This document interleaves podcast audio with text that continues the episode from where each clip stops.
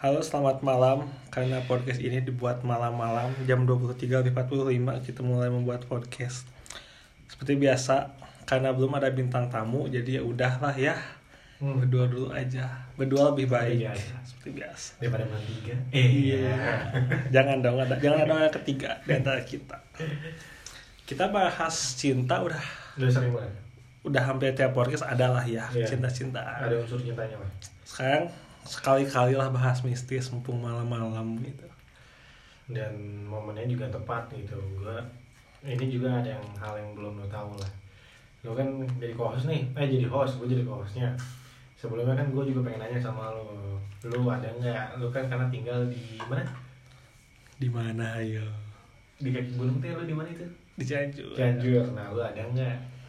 Gak ada sih. Kalau yang gue alamin alham, alhamdulillahnya nggak pernah ngalamin hal-hal mistis selama apalagi waktu di pesantren kan. Gue enam tahun di pesantren gue sendiri nggak pernah ngalamin hal-hal mistis. Cuman teman-teman gue ada adek gue pun ada gitu. Cuman Berarti teman-teman lo aja nih? Iya teman tapi gue aja sih. yang di lu lu belum pernah ya? Gue belum pernah. Nah, gue cerita seminggu yang lalu nih. Nanti baru gue cerita bahkan yang masa-masa lalu gue. Baru kejadian kemarin eh, pas minggu yang lalu di tempat kita sekarang podcast. makanya kalau ke sini ajak aja kalau ada job ajak aja Oke, oke di sini lah. Di sini di sini itu gue waktu itu tuh lagi pengen ini lah buang air besar kan. Lo tau kan di sini kan eh, tempatnya kamar kamar mandi langsung tempat inilah buat kita kayak podcast kayak iya ruang tengah ruang tengah di saat gue lagi nonton YouTube di kamar kan angin kenceng nih hujan. Oh iya. Ya angin Iya. kenceng hujan kan. Kata gue suara apa pun di luar nggak akan kedenger. Logikanya. Logikanya ya kan? Suara apa pun di luar nggak akan kedenger kecuali rintik hujan. Iya ya kan? pasti. Kalau hujan gede. Iya. Yang ibaratnya kena asbes Iya. ya kan? Gue lagi terus juga gue pengen masukin motor nih. Tapi ke rumah gue di sebelah ya kan? Ke rumah gue di sebelah. Gue udah masukin motor. Gue pas mau masuk pintu tuh firasat gue udah gak enak. Eh itu jam berapa? Udah malam kayak gini kita. Jam segini tengah malam. Jam 12 lebih. Oh iya iya, iya paham. Ya kan? Gue udah firasat gue udah gak enak lah. Maksudnya bukan gue udah antisipasi untuk ini ya. Cuma emang tiba-tiba firasat gue gak enak karena sebelumnya itu gue orangnya dibilang percaya nggak percaya itu 50-50 ya. Iya iya. Karena gue skeptis banget sama hal-hal kayak gini. Tapi pas gue ini juga ada berskin, eh, berkesinambungan. Nanti di saat gue cerita juga eh, dulu kenapa gue bisa percaya gitu. Karena gue punya firasat gak enak banget pas lagi seminggu kemarin. Di tempat ini di saat kita podcast eh, tempatnya itu di Cibiru. Gue pas mau masuk pintu itu udah gak enak. Kata Pintu gua, ini? ah pintu ini udah gak enak kan kata gue kok oh ya gue gak enak gitu kan.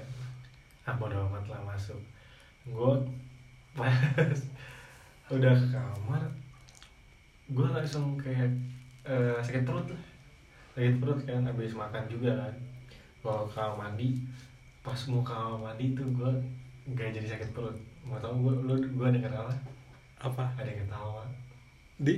Ketawa bukan cowok di kosan sebelah kan cowok. Iya. Ini ketawa cewek. Mungkin lagi bawa cewek. Gak ada bray gak ada serius di jam segitu. Di sini juga anak-anak UIN pada baik-baik. Gila gue langsung pas udah ada gini ketawanya nih. Kayak gitu. Ih. Ketawa gitu kayak terus ngulang lagi. Kayak gitu gue merinding. Langsung gue gak mau masuk sejam di luar terus gue ngerokok. Gue ngerokok serius. Gue terus gimana caranya gue ngilangin rasa takut gue gue mesen makanan lewat ojek online. Emang pengen makan itu mah serius. Gue mesen makanan kok nggak kayak cemilan apa? Gue pokoknya kayak minuman. Gimana caranya gue netralisir diri gue dulu gitu. Iya. Karena gue dulu gini karena gue pernah mengalami kejadian hal kayak gini jadi gue udah ibaratkan udah tahu cara nanganin diri gue buat tenang gitu biar gak tremor kayak ngedrag dik lah. Nah makanya dari situ gue langsung wah anjing gila kata gue gue udah lama loh nggak ngerasain hal kayak gini. Gue soalnya gini gue kalau diajakin konten YouTube sama teman-teman gue gue orang yang paling bisa dibilang ngeyel. Iya. Ngeyel dalam artian tuh kayak apaan sih gini-ginian Iya. gitu kan. Kayak udahlah normal aja gitu. Cuma setidaknya gue juga menghargai orang yang ibaratkan ngajak. uh, ngajak juga terus juga ibaratkan dia juga gini nih kalau orang emang mau mendalami sesuatu pasti juga akan belajar ngeliat track record sebelum sebelumnya kan? Ya nah gue juga hargai karena dia juga punya ibaratkan kayak konten terus juga ibaratkan dia mempelajari ilmu itu kan mau ilmu apa pun lah dalam konteks misalkan hal gaib gitu cuma setidaknya gue emang orang yang bertolak belakang gak terlalu percaya lah Iya. Nah, tadi kan gue bilang ini akan nyambung sama apa yang tadi gue bilang. Dulu di saat dulu tuh gue memang uh, doyan ibaratkan pengen berilmu, kayak pengen milikin kodam, ilmu kebal, ya tektok kayak karena di Cilengsi banyak banget yang tawuran gitu kan. Dulu gue juga sebenarnya gue bukan orang yang benar-benar kayak dibilang orang tuh anak ini emang bandelnya gua itu ke minuman terus juga ibaratkan pergaulan gitu minum kan. aqua. Iya bisa jadi lah minum aqua tapi aquanya tuh yang ada alkoholnya. Aqua yang ada alkohol masa lalu lah ya. Masa lalu itu. Nah oke dari situ eh, tadi yang pembahasan kayak tawuran itu karena gini sistem anak sekolah di sana itu kalau lu pengen dapetin cewek ya lu kayak jagoan gitu. Ya semakin lu dipandang sama teman-teman laki-laki lu semakin lu bisa dapetin cewek gitu. Ya nah sistem di sana. Gue dulu dulu pengen banget kayak gitu. Terus juga ada teman gue yang ngajakin berguru misalkan ke gunung cuma gue masih ibaratkan hati gue tuh belum bisa untuk sampai ke situ sampai ke situ. Nah suatu ketika ada teman gue ngajakin berguru ke suatu tempat nama panggilan gurunya ayah lah. Nama panggilan gurunya ayah kan. Nah dari situ gue coba berguru tuh. Awalnya gue sama sekali memang yang tadi nggak percaya gitu. Bener-bener banget nggak percaya. Cuma suatu ketika di saat kayak disuruh baca Al-Quran terus juga ada ritual-ritualnya. Gue kaget di saat gue disuruh menghadap ke dia bahkan kayak ke ayah itu? Ah, Rama sini gitu kan. Kamu ya bahkan eh, pengen ada yang jagain kan atau apa gitu kan. Iya iya gini gini. Tiba-tiba gue ngeliat tangannya nggak ada apa-apa. Bener sama sekali nggak ada apa-apa. Tinggal, dia langsung nempelin jempol dia ke jidat gue keluar asap. Kok bisa Nah, dari situ gue makanya gue orangnya research semua apa pun. Gue emang searching apa pun ya bahkan kayak apa pun yang terjadi sama hal di hidup gue. Kayak gitu deh contohnya. Ini kenapa bisa? Gue rasa mungkin eh, bahkan ada kayak konten sulap atau apa. iya iya Ada trik dan mungkin di Oh. Samsu enggak enggak emang bener-bener kosong tangannya gitu. Mungkin ada salep atau apa yang sekali gesek-gesek gini gua rasa. Iya. Ya mungkin nih gitu lah cuma memang di saat gua mengalami itu itu panas banget ke badan gua semua. Iya. Panas banget. Nah di situ gua mulai ibaratkan kalau untuk eh, pas presentasi ya ibaratkan yang tadinya 50-50 naiklah 20% gitu. Iya. 30-70 gitu kan. Terus gue main konten. Di mana dulu YouTube belum setenar sekarang. Bener-bener sekarang semua pengen banget jadi influencer. Iya. Sekarang banyak banget saya ibaratnya influencer atau seleb selebgram seleb tweet atau yang apa masuk ke. YouTube. Bukan bukan masuk ke YouTube aja bahkan emang pengen famous. Oh iya. Dulu kan lu mau iniin kamera di depan muka juga eh, tabu. Iya. Kalau sekarang udah nggak tabu ya kan? Karena itu udah emang ranah ibaratkan untuk mencari uang gitu kan. Dulu mah masih tabu gue udah main kayak ritual-ritualan. Cuma yang nggak direkam. Iya. Ya kan? Misalkan ke tempat angker mana ada dulu di Cilengsi sebelum digusur namanya Hotel Garuda. Hotel Garuda itu yang udah terbengkalai. Kalau nggak salah kalau misalkan kalian bisa searching atau mungkin eh, kalian udah tahu gitu kan terutama orang Chelsea atau misalkan emang udah tahu lah di luar orang Chelsea juga kalau memang doyan sejarah pasti akan tahu hotel ini. Karena ini hotel ini terkenal banget di zaman kayaknya zaman Soekarno Hatta atau misalkan ya Insinyur Soekarno deh kayaknya. Iya. Itu soalnya emang dibuat udah lama berbentuk Garuda gede banget. Iya. Itu di Cil itu di Di Cilengsi. Cilengsi. Nah di Chelsea sekarang udah digusur lah Iwan. Nggak tahu progresnya untuk dibuat apa cuma waktu itu udah digusur gitu kan. Udah diratakan semua tanahnya. Nah di saat itu gue main konten di situ di situ gue masih eh, Rama yang tidak punya ilmu. Masih Rama yang bahkan yang tabu dalam hal segala apa pun ya kan? Di saat itu tuh gue diajarin gimana ya bahkan eh, harus harus sensitif gitu sama makhluk-makhluk ini. Ya, untuk penciuman, pendengaran atau misalkan apalagi kalau untuk penglihatan pasti mereka akan seneng. Iya. Ya kan? Karena kan yang dicari itu kan kita ingin melihat kalau mendengar mah bisa aja ibaratkan suara jangkrik atau iya kodok. kayak kayak selewat aja lah Oh, kalau mendengar nggak suara cicak ya kan? Itu juga bisa suara gitu kan? Iya. Ibaratkan hal gini kalau emang kita uh, pressure diri kita buat semakin takut itu akan ke mindset kita juga akan takut gitu. Ya kan? Akan tremor lah buat kita yang juga akan ya bahkan wah kejang-kejang gitu. Kayak kita akan takut benar-benar down gitu.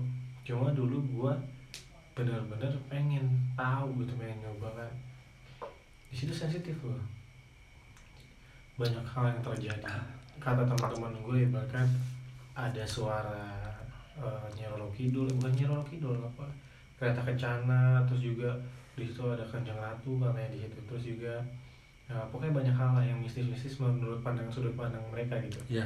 Tapi kalau dari sudut pandang gue gue merasa memang ada suara di sana suara ibaratkan eh, sunyi. Iya.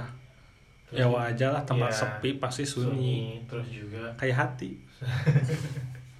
Suara melolong melolong kayak kayaknya Hewan an- buas. punya anjing deh. anjing Ah, tapi anjingnya hmm, anjingnya ini kayaknya ya eh, anjing-anjing kayak semi serigala lah kata gue Iya, iya. soalnya anjing jarang banget melolong. Tapi nggak lihat lihat. Itu ya kan ini konsepnya kalau secara misalkan indra ya indra pendengaran. Kalau secara visual mah kalau mau ngeliat gue malah takut. Kalau Iya. ada anjing ibaratkan di tempat kayak gitu wah ngeri dikejar. Betul. Bukan takut sama setan takutnya kita rabies. Iya. Ya kan? Nah makanya. Nah abis itu yang tadi gue bilang secara sudut pandang mata gue kalau gue memang akan ke pressure kalau misalkan menurut cerita orang pernah nggak sih lu gini gue menceritakan suatu hal dan mungkin lu nggak akan percaya Iya. gitu kan karena ngala- karena nggak ngalamin Nah, terus juga di hidup lu juga nggak tahu sosok setan kayak gimana sih. Emang bener ada bentuk kayak pocong, emang bener kayak ada bentuk kayak kuntilanak Iya. atau apa gitu kan.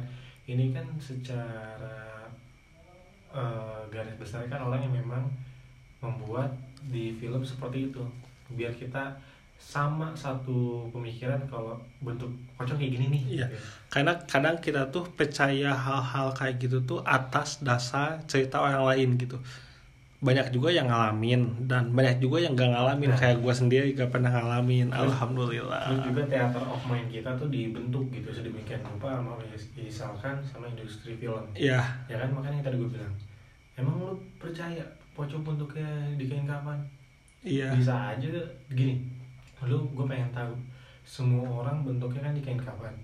Kenapa ada kuntilanak bentuknya pakai daster? Ya gitu ya ya secara logika kan. logikanya Nah, logikanya tapi kan kita nggak bisa lah bahkan mengegokan sudut pandang kita gitu iya kan. iya. Nah, kita juga harus eh, dengerin lah kata orang lain. Misalkan ya kalau memang menurut orang lain seperti itu hargai lah. hargai lah. Nah gua salah satu yang seperti itu yang tidak percaya gitu adanya hal-hal kayak gitu kan cuman ini pernah terjadi sama gua bukan secara game eh, secara penglihatan visual. Tapi rata-rata suara. Ya kalau suara kan ini bener-bener bikin kita tuh under pressure ya iya iya. ini di mana? Iya. Terus juga masih ada- bingung kan? Oh, terus juga ada temen gue ngomong gini. Kalau misalkan suaranya deket setan itu jauh tapi kalau suaranya jauh dia ada kok berada gue di sebelah jadi sih? Nah gue di situ pas kemarin ada suaranya kayak gitu. Itu suaranya tuh kalau menurut gue ya kalau mau nggak deket banget nggak jauh tapi tengah-tengah. Nah itu saya di mana? Kalau misalkan. Kalau misal ya kalau misalkan. Gue makanya di situ kan gue langsung di luar kayak bodo amat HP ambil langsung lah ngisi dari m banking ke ini kan buat ah, gue jajan lah. Yang penting gue di luar dulu. Gue gini gue lebih takut di ruangan dibandingin di luar. Iya. Gue orangnya. Soalnya sempit kalau Nah. kelihatan por- nah tembok-temboknya karena kita ter merasa terpojok. Iya. Nggak bisa ke mana-mana. Kalau di luar gue ruangan gue besar. Gue selalu nyaman di saat di luar. Makanya gue bisa ke mana-mana kan. Ya. nga- nga- ngador lah ibaratkan kalau kata orang Sunda mah gue iya gitu. Eh, nggak takut di luar tapi takut di dalam ruangan. Iya kayak gini contohnya makanya gue nggak bisa gitu kalau sendirian di dalam ruangan. Even sampai gue di kosan gue aja di Ciberem gue selalu kontekin teman-teman gue kemarin gue juga baru cerita sama sama teman-teman gue jadi gini temen gue juga nanya sama gue soal ilmu kan. Kayak ilmu tuh kayak gimana sih kebal gitu kan bukan ilmu manajemen. Itu mah kuliah. Enggak kan? Eh, ilmu kayak ilmu kebal kayak gitu. Kalau gua secara pribadi belum pernah mengalami ilmu kebal itu. Karena gua pe- gini kita tahu lah gu- gua pribadi gitu ya. Gua masih munafik gitu. Dalam perihal ibaratkan kayak gitu kan udah menduakan Tuhan iya. ya kan? Di masa remaja gua gitu kan. Kalau sekarang mah gue nggak mau main-main kayak gitu karena gue udah tahu gitu. Karena dulu gue masih anak yang begajulan.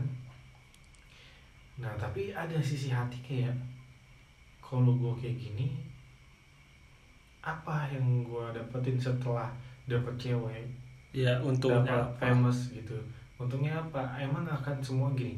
Emang semua akan terbentuk secara momen ya? Iya. Momennya misalkan kayak gini oh dulu gue pernah jadi jagoan nih. Gue dulu ternyata gini gini dikenang sama orang-orang.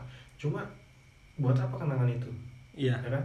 Sekarang kan kenangan-kenangan kayak gitu kalau misalkan dampaknya di masa depan lalu ternyata nggak se-famous dulu lu pernah nggak dengar orang ngomong golden jet enggak golden jet itu di mana kalau lu dulunya semasa high school atau SMA itu lu famous.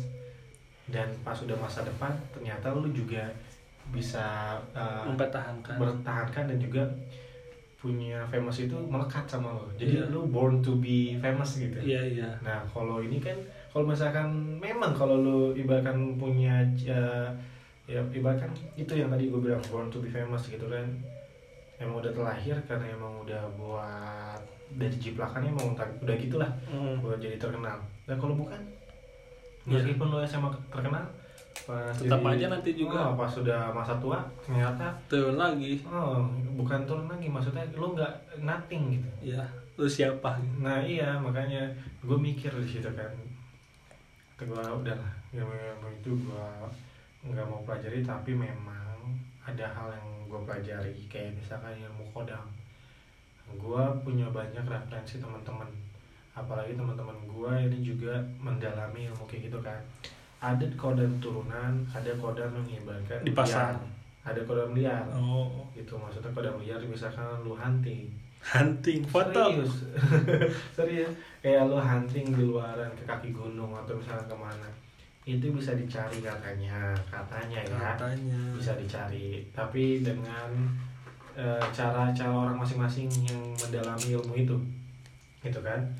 Nah, ada yang turunan. Katanya turunan ini memang dulu buyut kita, buyut kita itu punya punya ilmu. iya. Nah, rata-rata yang turunan katanya kalau lu mau meninggal belum dilepas itu nggak akan lepas.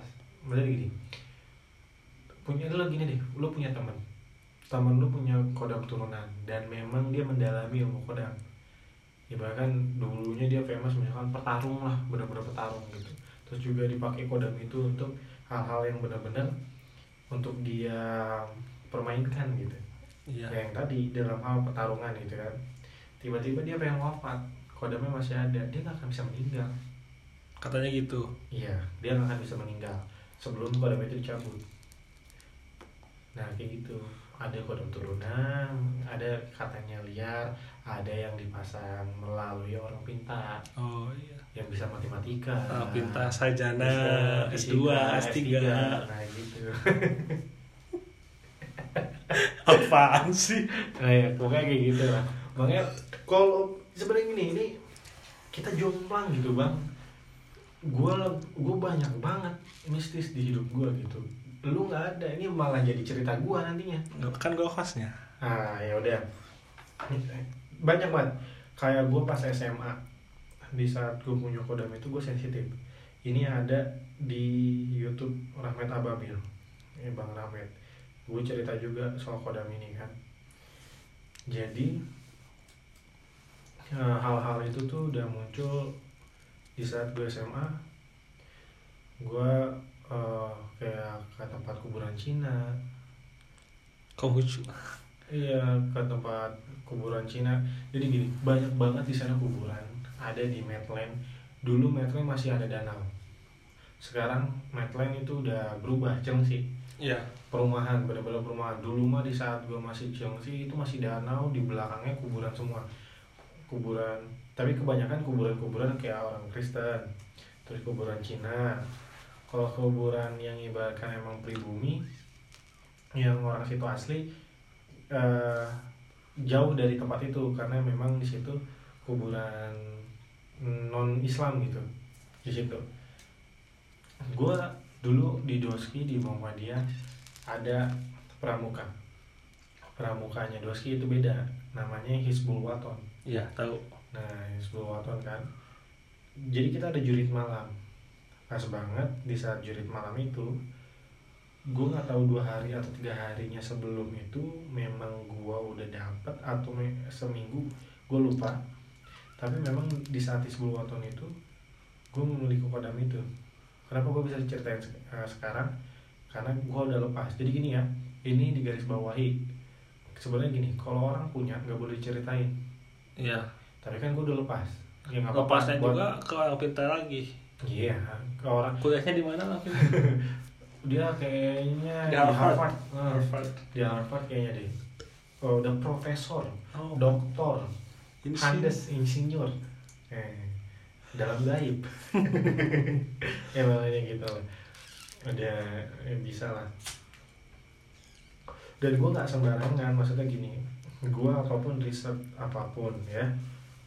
Makanya kayak gue percaya sama teman gue bisa ngelepas ya karena memang dia baik orangnya. Dia terus juga sering banget kayak ah, bukan berguru dalam konteks untuk spirit ah, apa? Spiritual. Ah, spiritual ini bukan eh, tapi lebih untuk eh, mencari ilmu lah gitu. Buat tahu. Buat tahu gitu. Makanya dia bisa lah dalam artian untuk menghandle gue ini di saat gue masih punya kodam pendamping kodam gue namanya Marong. Terus itu apa yang lo rasain ketika lu punya kodam? Bedanya pas lu nggak punya dan punya. Bedanya pas gue nggak punya. Gue orangnya nggak bisa marah. Pas gak punya. Gue orangnya bisa marah. Kalau misalkan dulu ya sebelum punya. Gue orang ya bahkan kalau misalkan ada keluarga atau kakak gue ngomongin gue gue orangnya uring-uringan. Sebelum punya. Oh, uring-uringan bisa marah cuma kayak malah ke diri sendiri aja. gitu. ah, kayak uh, kayak gitu doang apa ah tapi gua datang gua marah-marah mulu. Ya sekarang kan beda. Sekarang kan punya beban hidup. Ya kan nyari duit. Nyari duit hidupin cewek atau apa. Kan jomblo bapak. Oh iya sekarang. Iya. ya pas itu mah enggak kan. Nah makanya pas dulu gue kayak gitu. Tadi cerita sama mana lu nanya apa? Oh apa bedanya yang, ya. apa yang dia Ah. rasain? Bedanya itu di saat tadi benar gue uh, susah marah dan udah punya itu lebih gampang marah dan egois. Lebih lepas lah. Oh, apa pun yang nyari masalah gue benar-benar Sikat. marah gue marah gitu. Senggol bacok lah ya. Oh, ce- cewek gue aja pernah bikin gue sakit hati. Mantan. Iya mantan lah. Oh, terdahulu gitu. Bikin gue sakit hati. Wah. Gue pernah acak temen uh, gue pernah acak-acak rumah temen gue serius? Nggak mabok gitu. Ya lagi gak mabok. Enggak nggak mabuk bener-bener karena kodam. Teman gue namanya Jali. Jadaliar enggak gitu. Bang Jali no disebut kayak gitu. Enggak teman gue namanya Jali. Dia emang tahu gitu semua apa pun. Gue eh, sebenarnya kasihan juga sama dia gitu kan. Maksudnya pernah diacak-acakin lah sama gue rumahnya karena memang hal kayak gitu cuma gue akan ketawa gitu maksud gue gue ngapain gitu dulu kayak gini jadi dilihat sama orang kayak orang goblok gitu. pasti kita menertawakan masa lalu kita nggak sih Nah, bener dalam sih. hal apa pun itu kenapa Oh. sih kita dulu kayak gitu Iya. Makanya kata gue, duh ya ampun. Kalau kalau misalkan nih, kalau masa lalu gue kayak ngamen atau pernah hidup di jalanan, gue nggak malu. karena buat hidup juga kan itu Nah, terus juga karena gini, itu satu hal yang membuat gue sampai sekarang bisa mawas diri. iya Ya kan, ibaratkan buat gue masih down to earth lah. Jangan sombong, jangan congkak. so, ya kan gue itu nggak malu kalau gue pernah gembel pernah tidur jalanan pernah minta oh apa nasi padang sama teman gue ada agil. Nah kemarin juga minta water ke gua. Iya pokoknya gue nggak nggak malu perihal kayak gitu. Tapi yang gue malu kayak hal-hal bodoh aja gitu. Sebenarnya ini nggak hal bodoh kalau memang kita sebenarnya hidup bersinggungan ya. Jadi ada pro dan kontra lah. Apa pun kita bahas pasti akan ada ada yang nggak setuju juga. Nah, cuma kan sih setidaknya kita kan negara dem- demokratis ya kan? Ya bahkan kita bisa eh, hak kita bicara juga harus didengar gitu kan. Jadi gue gue cuma pengen cerita ini aja gitu. Nggak ofensif ya maksud gue hal-hal kayak gini tuh. Yang percaya ya mah ya percaya emang enggak gitu. Yang enggak ya udah ya gitu. ya udah. Siapa usah. tahu ada yang satu pemikiran. Iya. Karena kan gini ada pernah orang ngomong gini ya udah tuh lu buka mata batin lu biar lu percaya. Jadi kayak kekeh gitu. Kayak nyepelekan juga nggak sih iya. Bisa jadi nyepelekan. Cuma dia kayak kekeh buat gua kayak lu kan gak percaya nih biar percaya gitu. Iya iya. Itu emang nggak usah dipaksain. Agama pun nggak maksa gitu. Ya kan? Makanya ya pokoknya perihal kayak gitu lah. Banyak banget yang terjadi di kehidupan gua. Kayak teman gua ngomong kuntilanak ngikut di badan gua di belakang bisa main dari hotel Garuda ya kan? Gua tidur gini di saat itu ceritanya adalah gua habis main dari hotel Garuda pulang bukan check in kan anjing check in di tempat horor gelo gua mau ngentot siapa eh eh Wah, iya ya. Iya maksudnya check in di situ ngapain? Gue kepikiran aja. ngapain ya? Ya siapa tahu kan ya. Ada udah yang mesum di situ. Bukan, siapa tahu ada yang gini hotel mistis. Anjay. kadang kan eh, tempat-tempat terbengkalai itu dua kemungkinan yang satu mistis kedua Mesum. tempat mesum ya nggak sih Eh, benar di sana ada mati gancet. Serius, ada. ya pasti tempat yang terbengkalai itu pasti ada yang makin mesum Jadi itu tempat hotel gede banget, gede. Makanya lu kalau lihat di maps dulu ya, dulu. bisa kalian cari di Google hotel Oh, udah Gar- hotel Garuda masih ada kok. ibaratnya Foto-fotonya lah ya. Foto-fotonya dulu di Cilengsi itu gede banget. Jadi makanya dibikin gede karena di peta biar kelihatan kali ya. iya Karena kan emang besar banget. Jadi benar-benar lambang kita Pancasila Garuda Iya. gitu. Di situ kan. Nah, pulang dari hotel Garuda itu temen gua eh, bentar. Biar gua ingat dulu. Soalnya gue juga cerita kan di ramen. Gue lupa kalau misalkan temen gua ini ngomongnya langsung atau misalkan dia langsung the point gitu. Wah, pokoknya intinya dia ngasih tahu gua deh, ngasih tahu gua. Terus juga gua pulang, eh, pulang, gue diikutin katanya. Nah, suatu ketika gue saat pengen tidur di rumah, gue kan kaget. Pertama kagetnya gini, jadi kita kan punya ekor mata, tau Iya. nggak? Nah, di ujung pelipis kita Iya. sini. Ap- apa pun kita ngeliat lurus di sini bisa kelihatan, Eh, ya kan? Sekarang gini, di depan gue ada kaca, gue bisa ngeliat nih di kiri Kanan, ya kanan kiri. Lu kalau lu kan dari situ angle-nya ya. Kalau Iya. gua dari depan gua nih, depan gua ada kaca. tas gua kelihatan Nah, lu bisa ngeliat kan ada tas lu. Nah, di kanan gua ada tas lu nih, gua kelihatan banget. Nah, di kiri gua ada jas Ah. gua wedding, iya ya kan? Di saat gua tidur, pas dulu masih di kamar gua di Chelsea, sekarang kamar udah dipakai adik gua. Gua tuh eh, ngelihat dari ekor mata ada yang gerak di sebelah. Tapi gua kayak bodo amat. ya Mungkin menurut gua angin lah Eh, bukan angin jadi gini kalau lu pengen secara theater of mind gitu ya ini kamar gua jadi eh, kotak ada kali empat kali enam lah lebarnya empat kali enam kelebaran. Eh enggak enggak enggak empat kali lima eh, enam. Empat kali empat kelebaran empat. Eh, luas empat. eh, luas empat. Empat kali empat lah. Lumayan kan ya Iya. untuk kamar bujang mah. Bisa sampai sekarang juga bujang. Iya maksud gua masih remaja pisan lah umur masih 19 tahun gitu kan. Nah gua ngeliat di kiri gua itu gerak.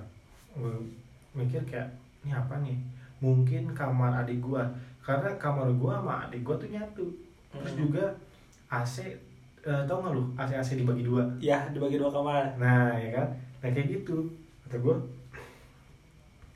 ah mungkin adik gue tidurnya lagi ngerasa gerusuk, tapi kata gue ini bayangan kayak ada gitu membuat diri gue kayak takut kan, gue motah nih tidur ke arah kanan biar nggak ngeliat ke sana ke kiri jadi ngebelakangin gitu, iya.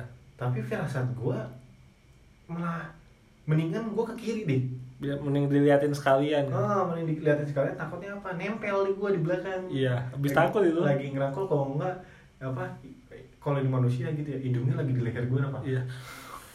Gitu kayak ngembusin ini kan. napas. Wah di situ gue pasti langsung ini.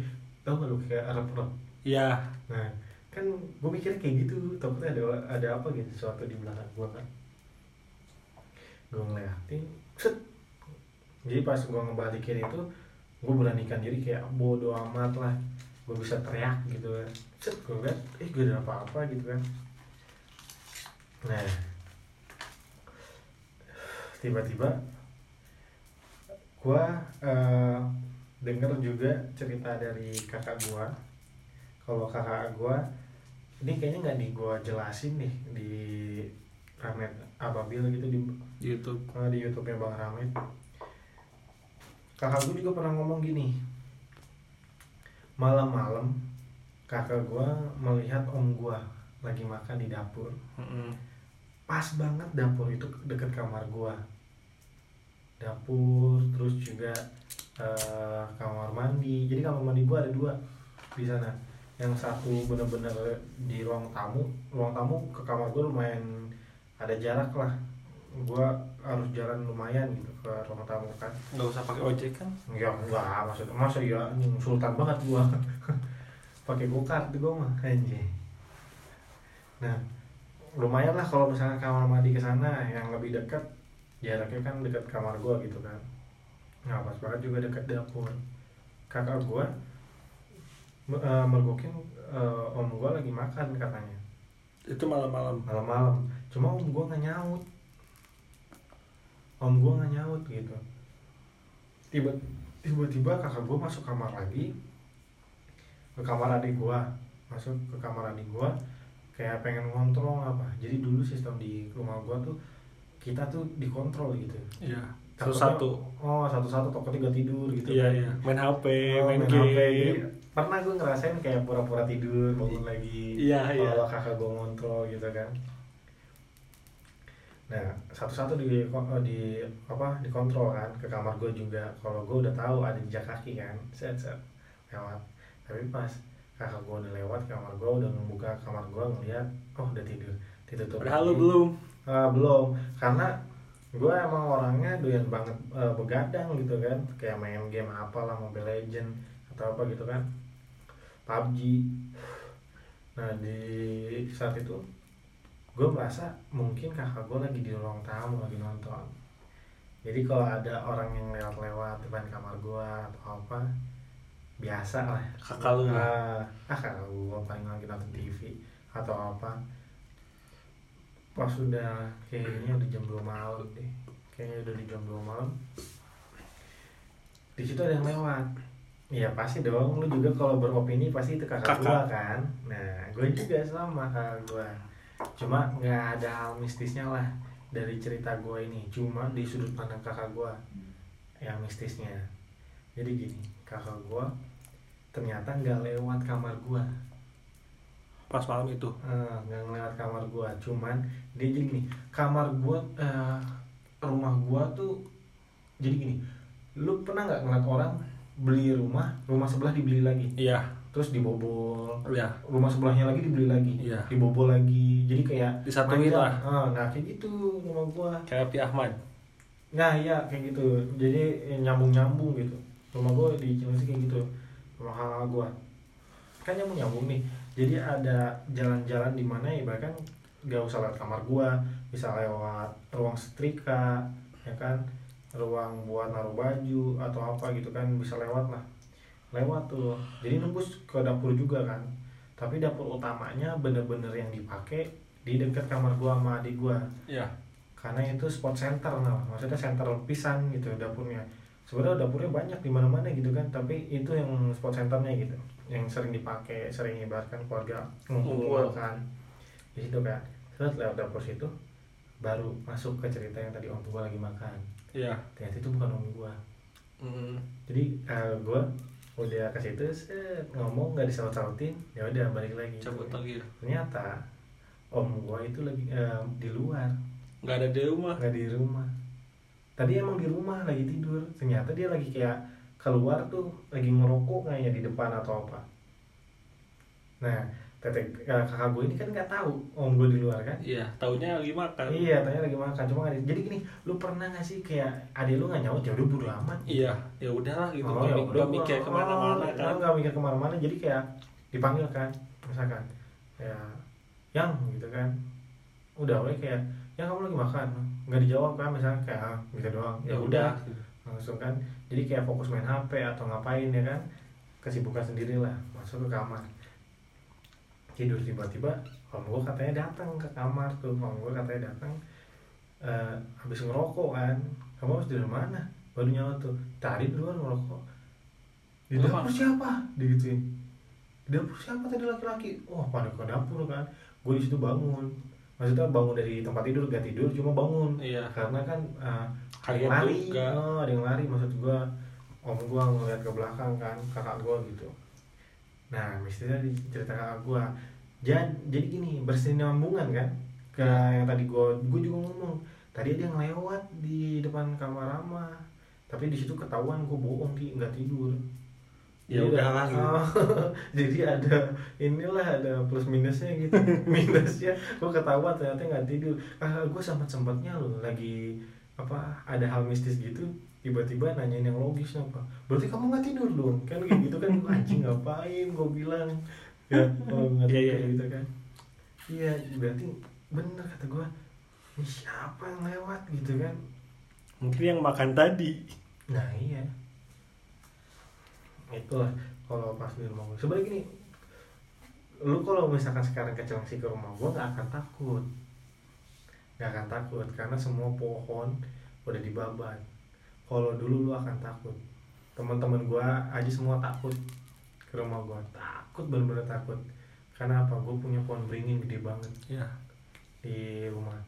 Terus juga spotnya deket kolam berenang. Iya. Pohon beringin itu. Di kolam berenang itu ada rumah rumah untuk praktek opa.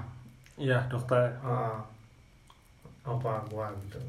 Eh, suami kakak te- ini kakak gua. Hmm. Kak Cumi kan?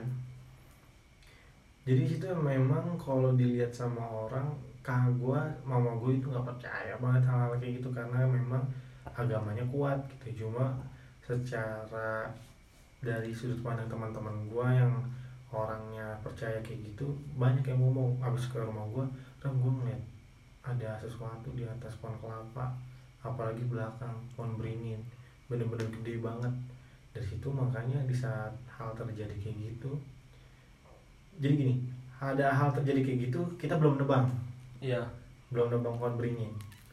Lu mau tau nggak yang lebih gornya lagi? Gue punya gudang di lantai tiga. Itu nggak pernah kita singgahi sama sekali. Di lantai dua ada kasur kamar gede banget. Nggak pernah kita singgahin sama sekali. Kenapa? Karena memang dulu di saat momen masih ada opa semua tempat dari sudut ke sudut kita injek lah. Maksudnya biar nggak ada hal mistis gitu ya. Iya. karena gini kalau ada tempat yang tidak pernah diinjak di situ ada akan ada spot untuk gaib-gaib ini tuh bersinggah gitu. Lu takut ya ngeliat jendela keluar ya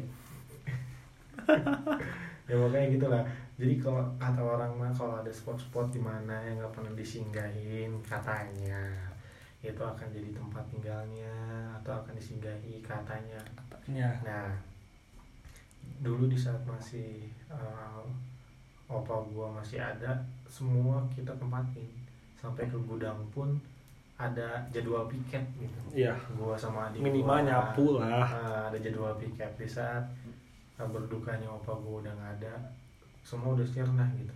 Maksudnya Kebiasaan itu udah nggak ada. udah nggak ada gitu. Jadi di atas itu benar-benar nggak pernah disinggahi, apalagi gudang lantai tiga ya kan terus lucunya gini di rumah gua ada nanti kalau lu main ke Cilengsi akan gua kasih tahu di lantai dua kita punya ukiran eh, keramik Ya. Di mana ukiran keramik itu foto wanita-wanita seksi bener-bener telanjang. Serius itu Masih ada. masih ada masih ada. Jadi itu eh, kayak katanya ada filosofinya lah di zaman dulu ke kerajaan. Pokoknya benar-benar dipajang gitu eh, ukiran-ukiran itu. Terus juga itu di lantai dua di mana aksesnya naik ke atas ke lantai tiga. Ke atas kan ke lantai tiga nah baru di lantai tiga itu kayak kita naruh-naruh barang yang gak kepake sepeda Gudang lah. gudang bener-bener kayak buku komik buku penelitian opa gua yang sudah ibaratkan memang sudah nggak kepake gitu kan di atas gue pernah waktu itu malam-malam bener-bener disuruh ke atas karena disuruh ambil vakum cleaner Iya. otomatis harus ke atas kan kakak gue tahu banget gue penakut gitu. Karena gue udah pernah bilang maksudnya gak bilang secara langsung kakak gue cuma mereka udah tahu gitu kalau gue penakut di di suatu ruangan gitu. Iya. kalau di luar kayak misalkan ah beli nasi goreng dong keluar gitu. Ya udah, ayo. tiga, lah gue malah seneng bisa mudut keluar kan nyari tempat ngopi sambil nunggu kan. Nah kalau di rumah langsung ke spot di mana tempat yang misalkan Jangan nggak diisi. pernah, eh, nggak pernah diisi. Sekarang gue gue bener orangnya sensitif. Ada apa pun nih bahkan segera atau misalkan ini kayaknya eh, State pikiran eh, pikiran gue doang gitu maksudnya. Eh, seolah-olah membentuk itu ada gitu. Cuma se- seenggaknya kan nggak boleh gitu kan. Ya namanya juga manusiawi lah. Nah gue naik ke atas buat ngambil vacuum cleaner itu di saat gue ambil gue ngibrit langsung. Langsung lagi ke bawah. oh bunyi tangga kan gedung gedung gedung oh jadi kenceng banget loh karena gue takut gitu kan disuruh ngambil vacuum cleaner. Itu ngambilnya sebenarnya nggak malam-malam banget sih. Kayak masih habis maghrib jam 7 gitu. Kayak pengen setengah 8 tapi di bawah kan ramai orang gitu. Iya. cuma di atas sepi gitu. Bener-bener sampai ada debu gitu kan kasur kasur aja sampai ditutupin sama kayak banner gede yang gak kepake buat debunya nempel ke kasur. Iya. ya kan? Bener. Kayak buat PS gua DVD TV yang udah gak kepake di atas semua kan. Terus juga ya bahkan drone. Iya. ditaruh di atas. Bekas-bekas gua dulu. Di situ spot bener-bener di rumah gua yang angker. Nah ini kan tadi masukkan ke beringin awal mula yang terjadinya itu pohon beringin gak ditebang terus kedua kalau kedua ini yang tadi gudang nggak nggak terpakai nggak pernah disinggahi maksudnya mau gini lu mau sh- sholat di mana pun kalau di atas yang nggak terpakai ya pasti akan ada aja gitu Iya, iya. Ya, ini kan konteksnya manusiawi ya bukan misal eh konteksnya ibaratnya gini ibaratkan lu emang ada ruangan sholat. Misalkan gini di rumah emang ada ruangan sholat. Di lantai bawah cuma lantai atas kan nggak pernah diinjekin. Iya. Ya kan? Lu per ya meski em, kalau kata orang Islam pasti ya nggak bakal ada lah. Karena kan rumah itu kita singgahi tapi gini kalau kata orang-orang bener-bener yang mendalami ilmu gitu ya mau di mana pun tempatnya memang tidak dipakai akan Ada ada gitu kayak film ini aja kafir hmm, hmm. tahu nggak pernah nggak? Malaysia kan Oh, yang kafir. Itu aja sampai ustadz sholat di bawah situ tetap digangguin setan itu. Ini film ya, film. Kalau misalkan secara, cara ajaran Islam memang ya percaya kita ada gitu, tapi kan lebih agungan kita. Kalau Iya. kita mengikuti Al-Quran gitu kan. iya Nah, kedua memang itu yang tempat atas. Memang nggak pernah dipijaki. Horornya di mana? Horornya adalah di saat gua ngeliat lukisan itu dari keramik.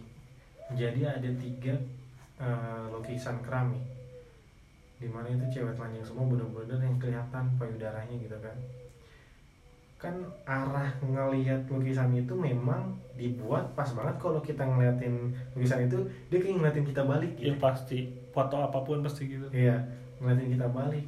Oke, gue mau dari mandir nih. Gue cepet, gerak cepet gitu. Set, tiba-tiba gak ada tikus, gak ada apa.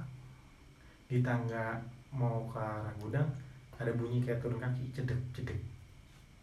Gue langsung dari lantai dua, tangga gue lumayan panjang nih. Ada ada ada anak tangga tuh sampai 10 gue lompat 5 5 saking takutnya saking takutnya bodoh amat gue ibaratkan kaki sakit sakit pun oh, sa- m- memar kayak kaki apa? Bodoh amat. Yang penting di situ gue udah di bawah merinding gue harus hilang gitu. Lu pernah gak sih lewat tempat apa gitu? Pasti. Merinding. Hmm, nah gue kayak gitu. Pas kayak gitu. Cuma gue nggak mau ceritain ke kakak gue karena ya ada yang percaya ada yang enggak kalau kakak gue kan nggak akan percaya. Gitu. Ada yang percaya kalau menurut, eh, menurut dia memang pernah terjadi sama dia. Tapi Mhm. kalau menurut sudut pandang orang lain dia ya akan terima. Kayak apaan sih? gitu kan. Nah salah satu terbentuknya gue dari mereka dari keluarga gue gitu. Karena mereka kalau ngomongin soal mistis atau apa yang nggak akan percaya "Ya apaan sih lu punya agama juga? gitu. Iya. Kayak lu kan tahu kemarin ibaratkan dari Al-Quran juga kayak gini, gini ya percaya percaya lah. Tapi kita kan ibaratkan bisa melawan ibarat gitu. Kedua kan itu. Sebenarnya kalau dari sudut pandang ada dua nih. Sudut pandang mistis sama sudut pandang non mistis ya. Kalau sudut pandang non mistis terhadap eh, pohon beringin ini karena pohon beringin ini udah besar mengalami eh, pandangan. Pand- eh, bukan pandangan rumah praktek eh, apa opa ya kan takutnya apa? Takutnya akarnya tumbuh lebih lebat tidak tanah tidak bisa menopang Menahan. lagi jatuh ke kolam renang kalau enggak ke ke sana ke Nah. bangunan. ya bangunan. Cuma kan kalau dilihat sekarang di saat itu itu emang kuat kokoh gitu. Ya jadi eh, mungkin option itu memang akan benar iya. jangka panjangnya gitu kan. Kalau misalkan mistis ya itu terjadi banyak hal. Yang tidak terduga. Ya yang tidak terduga. Gue nggak tahu eh, menurut Sabrina seperti apa adik gue gue nggak tahu menurut Randi. Nah, jadi gini gue punya adik sepupu Randi dan Sabrina. Gue nggak tahu lah menurut sudut pandang mereka seperti apa. Tapi kalau gue ngeliat mereka mereka emang nggak akan percaya. Karena didikan opa tuh nggak mikirin hal-hal kayak gitu. Malah mikirin apa masa depan. Jadi dokter ya kan? Jadi insinyur pokoknya yang bisa ibaratkan hidup enak lah gitu. Jadi mungkin gue mikir mereka nggak akan lah kayak gitu-gitu. Cuma memang guanya aja yang berdoanya bebas karena bisa sampai mengenal kayak gini gitu.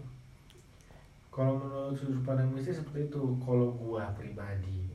Cuma kan balik lagi ke yang balik awal. yang awal. Boleh percaya boleh Iya, enggak. makanya ada dua nih non mistis sama mistis ya kan? Kalau non mistisnya seperti itu. Jangka depannya memang takutnya akar. Kalau eh, secara mistis yang harus ditebak ada yang tung ada yang Nah, nunggu. gitu. Karena setiap gua ngajakin teman-teman gua nongkrong duduk di kolam renang gak ada yang nyaman. Terus juga kalau gua berenang lu mau tau nggak apa yang gue pikirin setiap gue berenang? Gue takut di saat gue berenang gue lagi nongol ke atas beng. Ada yang ngintip? eh, terus juga kaki gue ditarik dari bawah wah pokoknya kayaknya korban film banget ya gue. Iya. Gitu kan. Cuma setidaknya emang itu kepikiran gue. Iya. Bukan di film aja sih maksud gue gini. Karena gue pernah banget berenang di malam hari. Karena karena gue pernah berenang di malam hari gimana di malam hari itu jadi gini kolam berenang gue itu dulu di saat opa gue masih ada selalu dinyalain eh, yang buat air panasnya. Iya jadi enak nih kita berenang malam kayak di jacuzzi lah. Iya. Ya bahkan bisa eh, anak sultan ya. Oh, enggak. Itu kan karena dulu pas ada opa sekarang mah anak biasa gitu. Nah dulu saat masih ada opa makanya pas berenang Mau ah, jam gua sering berapapun malam. enak. oh gue sering malam kayak jam 7 abis gini deh gue mau main futsal mau main basket di saat gue masih aktif aktifnya. Gue selalu berenang malam. Sore juga tapi lebih enakan malam karena bisa ah, panas gitu airnya lu coba masuk malam-malam tiba-tiba gini nongol depan set depan beringin. Ada yang dada-dada kayak mah gitu kayak nyingkok lu. Hmm, yakin gua lu pasti langsung pingsan di kolam renang tiba-tiba udah pingsan eh di sebelah dia gitu kan. Ah pokoknya pikiran gua kacau gitu. Gue dulu sering banget. Makanya teman-teman gua kayak pas jadi gini pas di saat main band juga sering eh, kita ngulik lagu di kolam renang kan kayak wujud atau apa. Gak betah. Di saat masih ada kolam beringin itu kayak anjing kayak ada yang ngeganggu. Kayak ada yang ngeliatin. Iya iya. Jadi pokoknya bikin suasana hati nggak betah lah. Udah kita nongkrong di mana lah. Ada base camp rumah teman gua kan. Misalkan kayak ke Wahi atau apa pun teman-teman gue jengsi gitu kan. Ada base camp base campnya lah. Nah kayak gitu setiap hal apa pun pasti teman-teman gue ngomong pas pulang dan lu tau nggak? Tadi gue ngeliat ini tahu sosok anak di pohon pohon beringin. Ah tahi lu. Gue bilang gitu kan. Iya iya. Udah tahu itu rumah gua. Lu atau cerita ke Yuda kayak atau ke siapa gitu jangan ke gua. Iya iya. Udah tahu gua tinggal di situ. Kan beleguk ya? Iya bener. Terus gara-gara ke temen gua ngomong kayak gitu mau tau gak lu apa? Gua setiap lihat jendela gua pengen banget ngeliat ke arah pohon beringin. Perasaan juga kan? Oh, jadi gini. Terus juga ada ada ada uh, hal cerita kata orang kalau rumah lu tusuk sate katanya jarang laku. Terus ada aja hal mistis rumah gua tusuk sate. Terus satu maksudnya? Tusuk sate itu maksudnya gini dari eh, gini tusuk sate itu adalah rumah yang di mana kalau dari jalan ke mana-mana langsung kelihatan. Oh iya strategis lah. Strategis terus juga ya bahkan nah sebenarnya kalau kita anak marketing atau kita orangnya doyan cuan itu rumah yang kayak gitu yang bakal dicari. Mahal. Nah, karena lu spotnya bener-bener pas banget dari Wah. jalan besar terus juga masuk ke perumahan langsung lurus gitu itu rumah lu gitu. Ya kan? Nah rumah gua tuh su- tusuk sate katanya kata orang itu rumah tusuk sate tuh jarang banget bisa dijual. Juga ada hal-hal mistisnya. Jadi rumah gua tuh pas lu masuk gue misalkan gini ke Duta Mekar Asri langsung ke arah rumah gua jalan ini ini, ini set pas lihat ih itu rumah lu ram yang lurus warna hijau iya rumah keluarga gua gitu kan. Terus ke sate. Nah makanya itu ada hal-hal itu juga lah. Tapi balik lagi. Boleh percaya boleh, enggak. tidak. Nah itu. Cuma kan karena lu yang mengalami jadi lu bisa cerita Oh, gitu bisa kan. cerita. kan tadi juga ya orang tuh percaya kayak gitu teh. Pertama emang mengalami. Iya. kedua dengan cerita orang dimakan mentah-mentah. Hmm. ya udah gitu kan. Nah cuma ada juga orang yang bahkan cara bertemannya lewat itu. Ngerti nggak? Jadi kayak gara-gara ada orang ngomong mistis ih kayaknya kalau sama dia gue harus ngomong mistis deh. Oh iya. Jadi biar satu frekuensi. Hmm, jadi dikibulin atau bahkan dilebih-lebihkan. Tapi kalau gue pribadi memang gue apa pun yang terjadi di kehidupan gue itu gue akan cerita. Tapi dengan uh, tempat yang pas. Iya. Kayak gini kayak gue ngajakin lo podcast. Ya kan? Iya iya. Lu juga tahu di sini ada. Sengaja ya karena saya sering nginep di sini ya. Hmm. Tadi tuh mau tahu nggak? Gua pas di rapat pengantin, gue mikirin, aduh gue tidur sendirian lagi. Pantesan nanyain mulu jadi ke sini kagak? Jadi ke sini kagak? Padahal mah ya. Gue pengen ceritain. Tapi enggak lah. enggak sih. Gue mikir mungkin itu suara apa dari luar atau misalkan kodok berubah jadi mutan gitu kan? Kalau nggak cicak lagi kawin. Tapi kayak suara-suara aneh tuh ada penjelasan ilmiahnya tau. Jadi katanya tuh kayak rekaman alam. Hmm. Misalnya itu suara tuh direkam di mana direkam di mana suara ketawa orang manusia nanti diputar lagi di tempat kita gitu. Rekaman alam namanya. Hmm. misalkan ya alam nyimpan rekaman itu set ke bawah ke mana tiba-tiba di sini bunyinya nyampe gitu. Itu lu dapat eh, ilmu kayak gitu atau cerita kayak gitu dari mana? Pernah ada guys jadi ya suara-suara gitu tuh kalau hal mistis kalau dari segi mistis ya iya mistis. Hmm. Kalau dari segi ilmiah tuh rekaman alam itu Hmm. tuh namanya. Makanya gue pas terjadinya kayak gitu di kamar mandi kita ini nih di belakang gue mikirnya apa? Ah mungkin kodok bermutasi ini gara-gara pengen disuntik. Mana ada kodok divaksin. Makanya gue mi mikirnya gimana caranya gue nggak takut dari itu aja. Iya sih. Yang penting jangan takut. Hmm.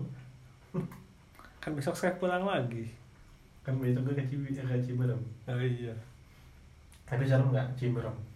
Rumah gue kamar mandinya pas banget dalamnya di sumur. ujung iya. Lu lagi mau pup tiba-tiba di situ ada ring.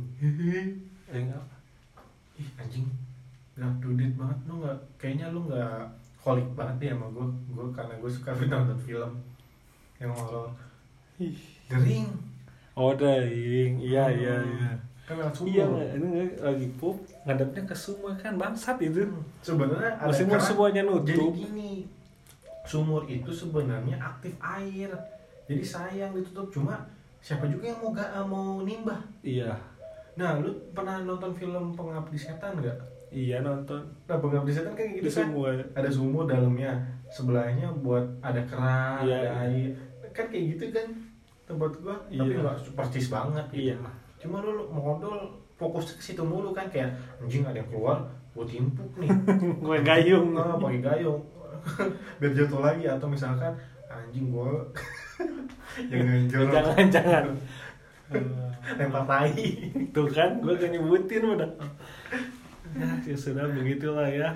Yang penting balik lagi kalau hal mistis tuh ya percaya ya mangga Iya. ya enggak ya udah gitu. Ini kita nggak maksa buat percaya juga. Ini Persepsi cerita yang kita alamin yang kau yang lu alamin lah gua enggak. Jadi ya semua orang punya sudut pandang masing-masing terhadap suatu hal Hmm, yang nggak bisa dipaksakan. Benar. Sudah Karena- ya?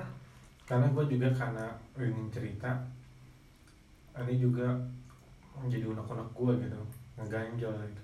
Kalau gue nggak cerita gue pengen ini jadi cerita selewat gitu. Maksud Iya. gue obrolan kita ya udah lupain gitu. hmm, tapi cuma nggak bisa lupa sih. Nggak bisa lupa. Hmm. dan jadiin podcast juga. Cuma memang lo orang yang tepat lah yang buat gue ceritain. Ada orang yang nggak tepat buat gue ceritain karena memang nggak satu frekuensi sama gue nah, mungkin cerita aja sih cerita dari gue ya udah. Terima kasih yang sudah bercerita. Sebagai bukan bintang tamu juga sih tiap podcast sama dia mulu. Tapi banyak. Semoga aja ke depannya kita bisa mengundang bintang tamu yang lain lah biar ada sudut pandang yang lain juga terhadap suatu permasalahan. Hmm. udah mungkin dicukupkan sekian hal-hal mistis yang ya boleh percaya boleh enggak lah. Hmm. itu mah tergantung sudut pandang masing-masing. Ya udah sekian dari kita. Dadah. Selamat minum. Selamat bobo juga. Udah malam nih udah jam 1 bye